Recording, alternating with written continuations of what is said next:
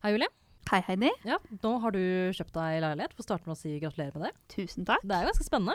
Det er veldig spennende. Ja, men uh, jeg kjøpte jo leilighet selv for uh, nå et par år siden, og jeg burde kanskje starte med å si at det er ikke normalt. Det er virkelig ikke normalt. Det er ikke normalt at to stykker i starten av 20-årene eier hver sin leilighet. Overhodet ikke. Fordi det er vanskelig å komme inn på boligmarkedet. For det er så sykt dyrt. Det er så dyrt. Men hvorfor, hvorfor er det så dyrt? Og hvorfor ble det så dyrt så fort? Ja, Det lurer jeg også på, fordi altså, de har jo bare skutt i været, og de stiger enda. Men det er vanskelig å komme seg inn på boligmarkedet også. Selv om vi begge har vært gjennom boligkjøpet, så er det mange ting Mange spørsmål. Mange spørsmål. Og så hva er det som må til for at prisene skal gå ned? Fordi Og- jeg ville trodd at det er gunstig.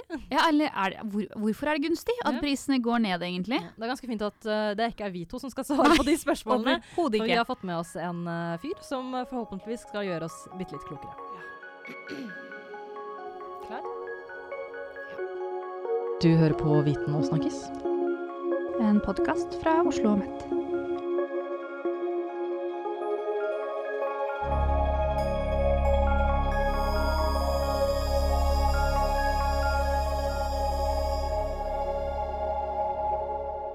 To ganger i året så legger Eiendom Norge ut noe som de kaller sykepleierindeksen, og den siste kom nå i november 2020.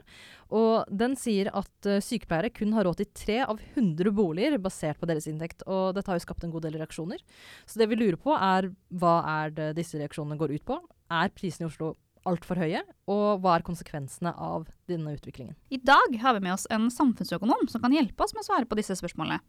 Han er professor ved BI og også forfatter av flere økonomirelaterte bøker. Han er også for tiden leder av det nye forskningssenteret Housing Lab her på Oslo OsloMet. Velkommen Erling Røe Larsen. Ja, takk for det. Hyggelig å være her. Jo, det er veldig hyggelig å ha deg her. Så eh, vi har jo ganske mange spørsmål til deg. Fordi se. Jeg gleder meg. Jeg snakker på inn- og utpust. ja, vi har veldig mange kunnskapshull, eller hva, Heidi? Ja, det vil jeg si, for til tross for at vi begge har vært innom eh, det å kjøpe leilighet, så er det mange ting vi ikke helt vet, og som vi håper at du kan svare på. Ja, det, det håper jeg også, da. For, Ja. og jeg kjenner jeg er spent. Men vi har jo forsket på dette her i Passing Lab, på all, alt fra budrunder til uh, boligpriser osv. Så, videre. så jeg tror vi har en del artige ting uh, som kan komme opp. Altså. Ja, vi kan kanskje starte med boligpriser. Så hvorfor, hvorfor er det så dyrt, og hva er det som egentlig påvirker boligprisene? Ja, det er, når det gjelder boligpriser i Oslo, for det, når du nevnte sykepleierindeksen, så må du huske på at den er veldig mye gunstigere i Bergen og Trondheim og andre steder. ikke sant? Mm. Så det er særlig Oslo som er problemet. Og da er det et par ting, det er i hvert fall et par momenter som vi alltid må ta med. Og det ene er at etterspørselen etter bolig er høy nå. Og det er den over hele landet. Og det er hovedsakelig pga. renten. Når renten er så lav, så er det så lett å betjene lån at uh, folk kan by mye, fordi det er lett. Og de fleste, eller mange, blir jo egentlig bare stoppet av regelverket som gjør hvor mye lån du kan få. De hadde antagelig kunnet betjent og håndtert enda høyere lån enn det. Uh, så jeg pleier å si uh, til studenter og andre at renten er atomknappen i boligmarkedet. Og For å ta noen tall da, fra forskningen vår, så min nestleder André Anundsen han har forsket på dette og fått en artikkel publisert i Scandinavian Journal of Economics, som er et veldig bra tidsskrift. Og Han har uh, funnet, eller satt tall på hva skjer med boligprisene hvis renten faller 1 prosentpoeng. Så stiger boligprisene med 14 Så, Så, det er enormt kraftig. så verktøy. egentlig handler det om at flere har muligheten til å ta lån, Ja. slik at flere ønsker å kjøpe. Ja. Slik at det er for få boliger. Du kan i hvert fall si Helt riktig, og veldig bra. fordi da, for dette, du vet, Rentene er like over hele landet. Mm. Det er Norges Bank og Norge, og bankene kjører likt over hele landet i forhold til Norges Bank. Så da er jo spørsmålet jo, men hvordan kan det være sånn at eh, sykepleierne da kan kjøpe jeg tror det er opp mot 35% av boligene i Bergen, men bare 3% i Oslo? Hva kan forklare de regionale boligprisforskjellene? Og da må vi inn på tilbud av boliger. Så kort fortalt så er det for få boliger i Oslo i forhold til ønsket og behovet om å bo i Oslo. Det er rett og slett blitt bygd for lite. Ja. Så vi på Housing Lab har også beregna det. da, i, I fall folk er litt interessert i tall, så kan jeg fortelle dere at vi har, vi har regnet ut at hvis du bygger 10 000 flere boliger i Oslo, så vil boligprisene reduseres med 10 Nettopp. Det er ganske store tall. Det er akkurat det. 10% det vil gjøre det veldig mye lettere. altså Tenk deg hvis du byr, hvis du er oppe i 5 millioner, så er det altså 500 000 kroner. altså. og, og mye av dette her er, er mulig å gjøre. Det? Så det koker ned til er det politisk vilje. Hva skjer med plan- og bygningsetaten? Hva med reguleringene? Og, og da også lokal motstand. Da. For det er jo veldig mange som er for at vi skal bygge, bare ikke hos meg. Ja, for det handler jo om da at når det bygges mer, så går jo prisene ned. Ja. Og det påvirker jo også verdien i din bolig som du har kjøpt. Ja. Slik at da er det jo en god del politikk i bildet på det her også. Uten tvil. og det, så, det er det ene momentet, at noen tenker oi, vil ikke dette redusere på en måte mine eiendeler? Og I tillegg så kommer det mange andre faktorer. som på en måte, altså Vi må jo si at det er legitimt, men som, som er vanskelig i forhold til hvordan by vi skal ha om 100 år. og det er jo at, at man vil ikke ha en stor blokk ved siden av seg, men vil beholde siktlinjer. Man vil, ikke ha, vil kanskje egentlig ikke ha noe særlig naboer. Liksom man, bo, man, vil bo i byen, men man vil ha det litt øde og litt landlig likevel.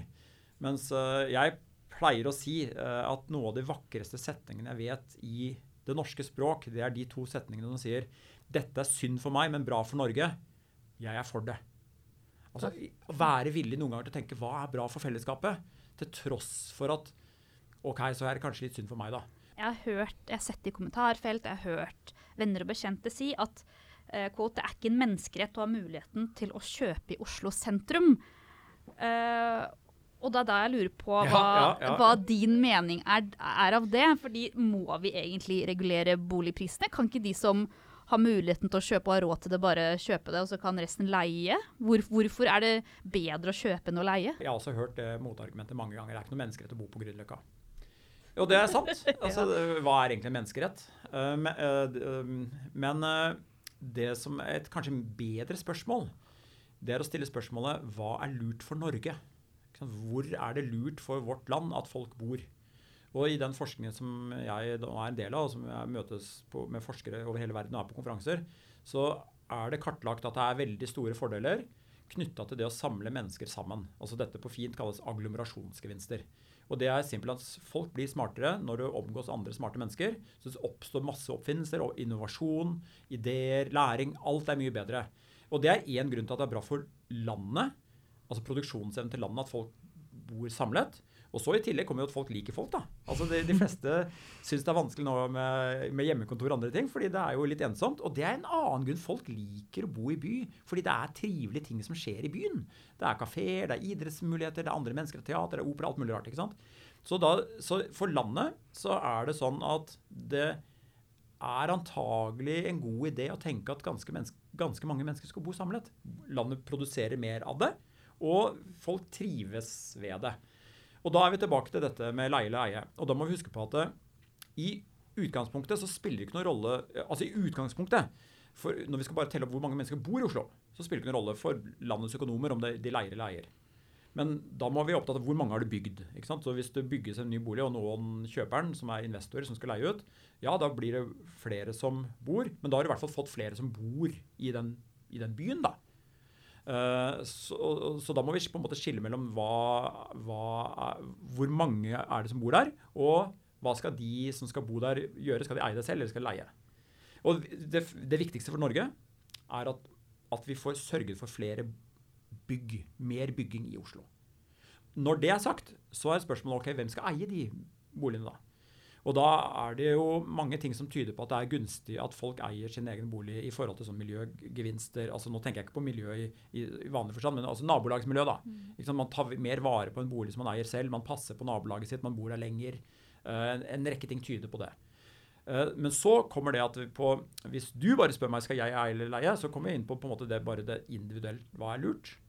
Og da er det jo sånn i Norge at det er veldig skattemessig gunstig å eie. Hvorfor det? Ja, altså For det første så er det sånn at du, de rentene som du betaler på lånet, de du, har du fradragsrett på på skatten. Så du blir hjulpet egentlig av staten til å betale noe av rentene. Det skjer jo ikke med leie. I tillegg så er det sånn at uh, hvis du har et stort nok, stor nok bolig, da, så kan du leie ut deler av den boligen skattefritt. Så det blir en inntekt som er helt ubeskattet, helt, helt uh, gratis for deg. Dessuten så er det sånn at hvis du eier denne boligen, og den stiger i verdi, og du har bodd i den ett av de siste to årene før du selger den, så er gevinsten skattefri. Det er jo, kan jo bli en svær inntekt, og den trenger du ikke å beskatte. Altså hvis du har bodd der siste året av de siste, eller ett av de siste to årene. Så det er veldig gunstig og sånn sett å eie. Men for alle studenter og andre som eventuelt hører på, så må du huske på at det er også noen kostnader knytta til det å eie, og ikke minst knyttet til det å skifte bolig. Så hvis du vet at oi, nei, men dette er en by jeg skal bo i et års tid, Da er det ikke sikkert at du skal kjøpe for å eie i, i den perioden. Det kan tenkes, men det er litt mer gambling enn hvis du vet at du skal bo der la oss si et helt medisinstudiumsløp da, i fem, seks, syv år, og du kan kanskje jobbe der etterpå. Og det har jo å gjøre med flere ting. Det ene er at du, vi i Norge har noe som heter dokumentavgift, 2,5% Så hver gang du kjøper noe, så må du ha en avgift til staten på 2,5% Det er på selveier. Ja, det er på selveie. ja. riktig. Og dette kan du slippe unna enten ved å kjøpe nytt, for da er du vel på tomten, og hvis du har borets osv. Men det er, en, det er en av flere avgifter. Så er det også sånn at du, når du skal selge, så må du ha en megler som regel. Du må ha hjelp til å få, få solgt. Uh, så det er en kostnad som også kommer opp, som ikke kommer opp hvis du er leietager. Dessuten så må du huske på at hvis du eier en bolig, så er det ofte vedlikeholdskostnader. Det er veldig mange mennesker som glemmer det. Nå er vedlikeholdskostnaden mye større for eneboliger enn for leiligheter. Og mange studenter i hvert fall, da, de, jo, de eier eventuelt en leilighet. ikke sant? Så det er kanskje mindre. Men det kommer, ryker vannet eller det elektriske et eller annet, så må du selv betale det. Mens hvis du er leietager, så er det jo eh, eier som må betale det. Bare for å avslutte det, skal du eie eller skal du leie? Mm. Og det er jo sånn at Jeg har ikke noe fasitsvar på det, men jeg har noen, noen råd, noen, en liten guide. Og den guiden går ut på det at hvis du står i det valget, så må du i hvert fall huske på det. At ja, det er veldig gunstig å eie. Fordi alle disse tingene vi snakker om skattemessig, og, og, ikke minst verdistigning. Boligen din kan kanskje stige fra 3 millioner til 3,5 millioner. Den gevinsten er ene og alene din. Men boligpriser kan falle. Det er ikke ofte de har gjort det de siste årene, men de kan det. Og det som er et litt liksom finer point, da, for å bruke det uttrykket, det er at du kjøper jo én bolig. Du kjøper ikke boligprisindeksen eller en liksom generell bolig. Og det kan tenkes at din bolig ikke stiger like mye i pris som andre boliger. Mm. Og dette er spesielt viktig å tenke på hvis du har vært i en veldig heftig budrunde. Det kan tenkes Vi har i vårt fag et begrep som heter 'the winner's curse'. Noen ganger så er det sånn at du vinner en budrunde, men du har vunnet den fordi du har betalt så heftig mye at det er vanskelig i framtiden når du om tre år skal selge, så har ikke din bolig steget like mye som boligprisene generelt, fordi du i sin tid betalte altfor mye for den. da. Så her er noen tommelfingerregler, folkens. Hvis dere skal bo i en by mer enn ja, si tre år, da, kjøp bolig. Da er det høyst sannsynlig sånn at det, at det er såpass lenge at dere får fordelt denne dokumentavgiften over flere år. Eh, det er godt mulig at det blir en verdistigning. Eh, kjøp. Men likevel så er det sånn at det er ikke et entydig råd. For hvis du skal bo et sted i kort tid, da, og du vet at uh, kanskje mine planer er veldig usikre, jeg skal et halvt år i Sør-Amerika, jeg skal kanskje gjøre noe helt annet, uh, studere et helt annet by, så har du en veldig frihet som leietager. ikke sant? Fordi du har en veldig liten forpliktelse. Som regel så er det bare sånn at du sier at du må si opp tre måneder før du skal uh, være ute. og hvis det ryker noe elektrisk eller noe vann, det er ikke, ikke, ditt ansvar, det er eiers ansvar. Det, og dere vet at i, i europeiske byer jo, og, og, mange europeiske land er det ganske vanlig å leie av disse grunnene. Det mm. oppleves som veldig sånn frihetsfølelse. Ja, Jeg er ikke tied down by the apartment. Liksom. Jeg, jeg, kan gjøre hva jeg vil. Jeg kan si opp og finne en annen jobb i morgen. Men jeg tenker at vi prøver å spole litt tilbake nå, fordi nå har vi snakket en god del om kjøpeprosess og leie kontra å kjøpe. Ja. Men hvis vi går tilbake til boligmarkedet igjen. Så som I Oslo så er det såpass enkelt å få lån, slik at det er mange førstegangskjøpere som får lån og kan komme inn på boligmarkedet, men det er ikke nok boliger. Ja, det er helt riktig. Ja. Og det, så, i hvert fall det når, Jeg er jo i diverse mm, fora hvor folk spør meg om min mening og mitt råd, og da sier jeg at prøv å bygge mer boliger i Oslo-området. Mm. Og det er jo lettere sagt enn gjort, fordi det er jo masse motstand. ikke sant? En ting er som vi har snakket om at publikum er i motstander. I teorien så er de fleste mennesker for at det skal bli mulig å bo i en by. Men når det er snakk om sitt eget nærområde, så er det masse motstand. ikke sant? Det kan være Men utsikt. Hvor, være... hvor skal disse boligene bygges? Hvor er det plass til dem? Ja, ja jeg, jeg, jeg, har oppfordret politikerne til å bare sykle rundt i Oslo. Det er masse muligheter. Det enkleste grepet av alt er jo bare å si du har en enebolig som står på en tomt som er to mål altså 2000 kvadratmeter, og der bor det fire mennesker. Her kan vi lett få gjort det sånn at der kan vi enten ha uh, fire, fire, enheter, eller kanskje til og med en liten blokk. Eller, Det er mange grep som du kan gjøre som gjør at det, at det blir bygd mer. Så er det en veldig kontroversiell ting da, som jeg alltid kvier meg for å ta litt opp, fordi det er så, det er så veldig betent. Men okay. vi har jo hytter i byen. Kolonihager. Ja. Så vi har jo noe sånt som 500 000 kvadratmeter i Oslo, hvor det bor folk som eller som eies av folk som også bor i Oslo, som bor liksom en kilometer unna. Og det, det kommer jo fra gammelt av, men det er jo i mitt hode ikke liksom optimal bruk av ressurser. da. Og for de som ikke vet, for jeg lærte i fjor hva en kolonihage er. Kan dere oppdatere meg, for jeg vet ikke hva en kolonihage er. er, vet ikke om du har sett rundt eh, Jeg husker ikke helt. Ullevål stadion, f.eks. Ja. Ja. Der er det jo flere. Ja, nettopp, nettopp. Da er det mange områder med bitte små hus med hager, hvor du kan kjøpe og kose deg med å lage planteting og være der på når det er ferier, som en liten hytte Telt. midt i byen. Telthusbakken også? Er det også en kolonihage? Ja, det er et godt spørsmål, Den kjenner jeg ikke helt til, men det kan tenkes. Altså, De er veldig flotte. Det er, Ja. Ingen må si noe annet. Og Nei. det er hyggelig også. Men det er et privilegium å få lov til å bo, eller eie den. da. Mm. Uh, og så er spørsmålet hva er rettferdig. Nå vet vi at det er veldig mange studenter som ikke har noen egen bolig. Det er mange småbarnsfamilier som blitt tvunget til å bo i Moss eller Drammen, og det er hyggelig for dem, men litt vanskelig hvis de har reisetid inn til Oslo. Eh, og da er spørsmålet om vi som samfunn skal holde disse hyttene i byen. For det du kommer med egentlig nå, er løsninger. Ja. Ja. Og, og f.eks. da se på disse 500 000 kvadratmeterne som disse kolonihagene, altså hyttene, beslaglegger. da. Og, men selv om Vi kan godt si at det er umulig fordi det er, det er fint og hyggelig, og vi, vi trenger den liksom, diversiteten i byen. Men selv når du ser bort fra det, så er det mange muligheter. Altså Alt fra enebolig, det er masse muligheter. Det er, bare, det er bare å gå en tur herfra vi sitter nå. Gå bort til Slottet via Parkveien, gå litt rundt der. Så ser du at dette er svære hager og svære områder. Og det er hyggelig, og det er fint.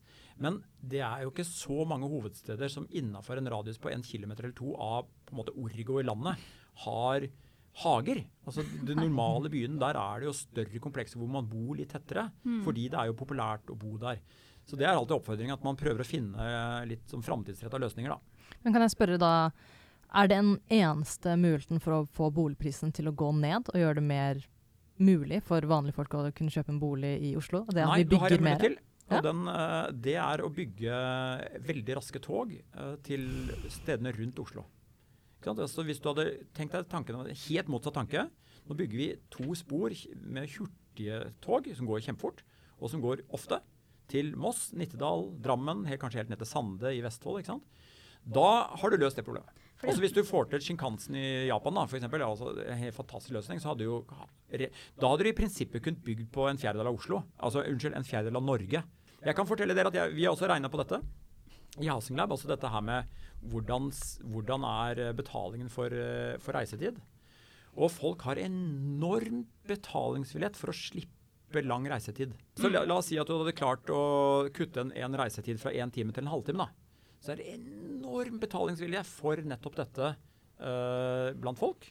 Og dette pipler også motsatt. da pipler dette opp i boligprisene. Så jo nærmere du kommer, jo høyere blir boligprisene. Så boligmarkedet er utrolig sammensatt. Jeg, jeg For moro skyld en gang så satte jeg opp en sånn plansje over hva er som påvirker boligmarkedet, og det var jo sånn basically everything. Så det var sånn, der, var sånn uh, Egentlig bare en sånn snapshot av den norske økonomien. Men det viktigste er rentene. Rentene og inntekt på etterspørselssiden. Og så er det hvor mye er det bygd på tilbudssiden. Det er på en måte, Skal dere kunne to-tre ting, så er det de tinga. Ja, ok. Så det, ah, jeg føler vi har kommet innom så mange påvirkninger til boligmarkedet og så mange temaer at det føles fortsatt litt sånn uoversiktlig. Kort repetert så er det sånn at når det gjelder boligmarkedet som helhet, så er det sånn at renten er viktig, inntekt er viktig, arbeidsledighet, den type vi kaller det makroøkonomiske forhold er viktig for å forstå etterspørselen. Så på tilbudssiden så er det jo egentlig bare hvor mye bygges. Mm. Eh, og For å forstå hva som bygges igjen, så må man se på hvilke reguleringer fins. Er det politisk vilje til å bygge? En viss form for på en måte aktivisme. da. Mm. At man deltar i, i media, ordskiftet, man, man forteller hva man, hva man vil. Egentlig så går jo dette begge veier, for det er mange som demonstrerer mot utbygging òg. Som sier at dette blir for stort, dette blir for vanskelig, for trangt.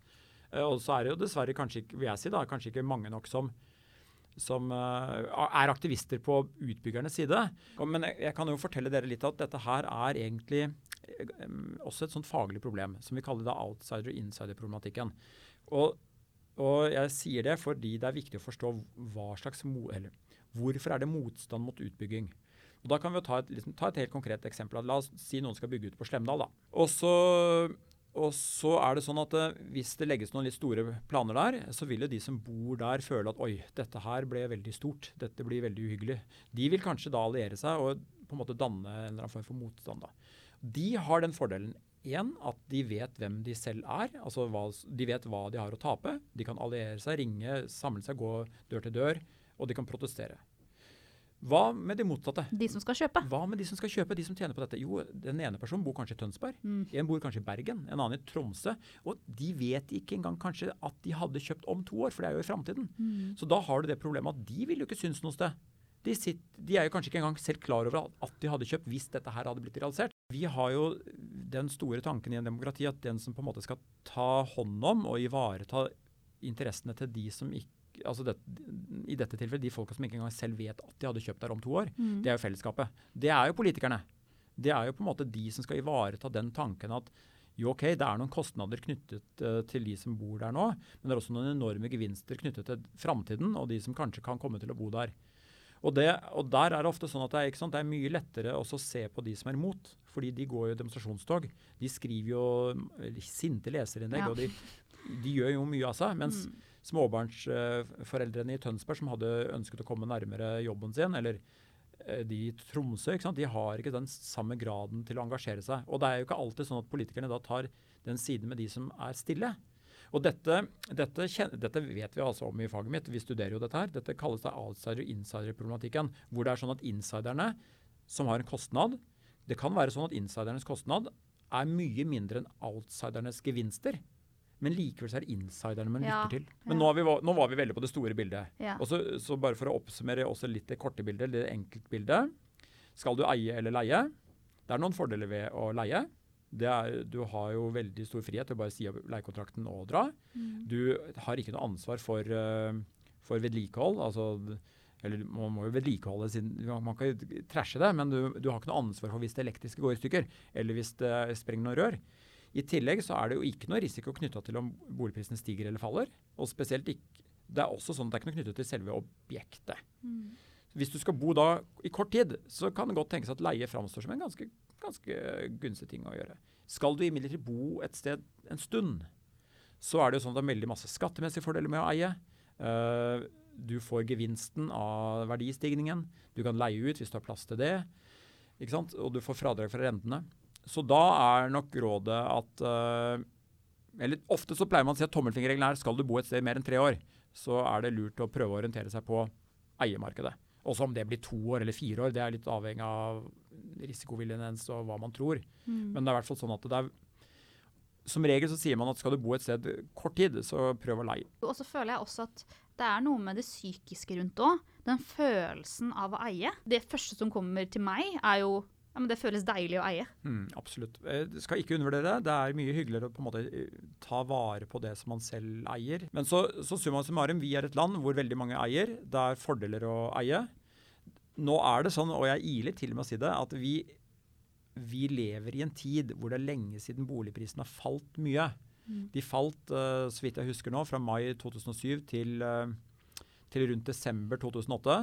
Ca. 12-13 Altså 2008, ja, men det var jo... det er lenge siden, det er tolv år siden, det var Ja. finanskrisen. Ja, ja. Og selv det var jo ikke så mye. Og så må vi helt tilbake til perioden 1987-1992, fem år, hvor boligprisene falt vel opp mot rundt 40% 40% folkens. Så det kan skje. Men det er blitt så lenge siden. Så Ja. det er historisk. Vi vender tilbake til det at skal du løse Norges problemer, og den økonomien som Norge må stå overfor de neste 50 åra, så innebærer det at folk skal bo ganske tett på hverandre. Fordi veldig mange av de tingene vi gjør i kunnskapsøkonomien, det er jo ting som løses i fellesskap. Igjen er vi tilbake til det som jeg kalte agglomerasjonsgevinster. Som kanskje kan oversatt det som er sentraliseringsgevinster. Og, men jeg kvier meg litt for det, for sentralisering har jo blitt et skjellsord, Ja. dessverre. men, men det er ikke det. Det er en fin ting. Det er veldig mange fordeler knyttet til det. Men da må du bygge mer sentralt. Mm. Og det som vi ser veldig tydelig i Oslo nå, er at veldig mange mennesker ønsker å bo her. Mm. Eh, og det er ikke nok boliger til dem. Samtidig, så hvis vi vender tilbake til den påstanden om at det er ikke noen menneskerett til å bo på Grünerløkka Det er en litt artig påstand, men den er også litt flåsete. For det er på en måte litt sånn perspektivløs. Tanken er jo ikke egentlig hva som er den individuelle retten, men hva som er lurt for landet vårt. Mm. Og det som er litt skremmende å tenke på, da, er at det er veldig skremmende å tenke at vi bygger så lite at det blir uoverstigelig dyrt for veldig mange yrkesgrupper å bo nære sentrum. Altså Nå tenker jeg ikke bare på sykepleiere, men jeg tenker på politifolk, funksjonærer, lærere. Det blir bare én type menneske? i sentrum som har råd til Litt det. sånn som- London. Det er dette Ja. på en måte skrekkbildet. ikke sant? At alle, Det er bare russiske milliard- milliardærer nesten som har råd til å bo i London sentrum. Og nå er klart, London er jo på en måte verdens hovedstad, så Oslo er bare Norges hovedstad. Men man kan likevel risikere den at du har så høye priser at det blir vanskelig på en måte for uh, en rekke yrkesgrupper å bo sentralt. Og da kan det komme til et punkt hvor de ikke vil det. Nei. Og hva da? Ikke sant? Så det eh, gjelder å håpe og tro at man kan planlegge seg bort fra det scenarioet lenge før det inntreffer. Men det begynner å bli prekært nå. Ja, det, rapporten er jo nå at det er vanskelig for en rekke yrkesgrupper. Det som da skjer, da, da kommer det til å framtvinge seg mange andre løsninger som neppe er like lure som de som vi har snakket om. For da kommer det til å bli sånn at eh, for å, eh, for å få rekruttert en person, da, enten til en lærerjobb eller til en eh, sykepleierjobb eller hvilken som helst annen på en måte statlig funksjonær, så kan det typisk at, at det står som lønn. Lønn er det og det, pluss at du får tilgang til en bolig. Så da må, måte, da må de, de arbeidsgiver ut og, og sørge for dette. Fordi mennesker vil jo bo der det er mangfold. Vi, du kan i hvert fall si det sånn at vi må jo ha sykepleiere, og vi må ha lærere, og vi må ha politi. Altså, du vil jo bo der det er mangfold, og der det er flere som deg. en måte. Det er derfor vi må håpe at eh, byplanleggerne og politikere og de som på en måte har makt og mulighet og myndighet til å gjøre noe med det, er tidlig ute. Fordi hvis de er sent ute, så kommer det til å bli dette, dette er jo et problem som kommer til å piple opp, uh, og det kommer til å tvinge seg fram da andre løsninger. Inntil videre så er jo løsningen som markedet har laget, er jo prisen. Mm. Markedet er jo ubønnhørlig. Markedet rasjonerer hvem som skal få lov til å bo, ved, bare ved prisen. Hvis det er så og så mange boliger i Oslo til Nå er det vel rundt 330 000 boliger. Og da blir det høye priser. Hadde det vært 400 000 boliger, så hadde det vært mye lavere priser. Nei, men tusen takk for uh, mye god informasjon. Altså, det overrasker meg at uh, boligmarkedet kunne bli nesten litt poetisk. Jeg har faktisk helt ærlig lært ganske mye. Bra, veldig hyggelig å være her. Alltid gøy.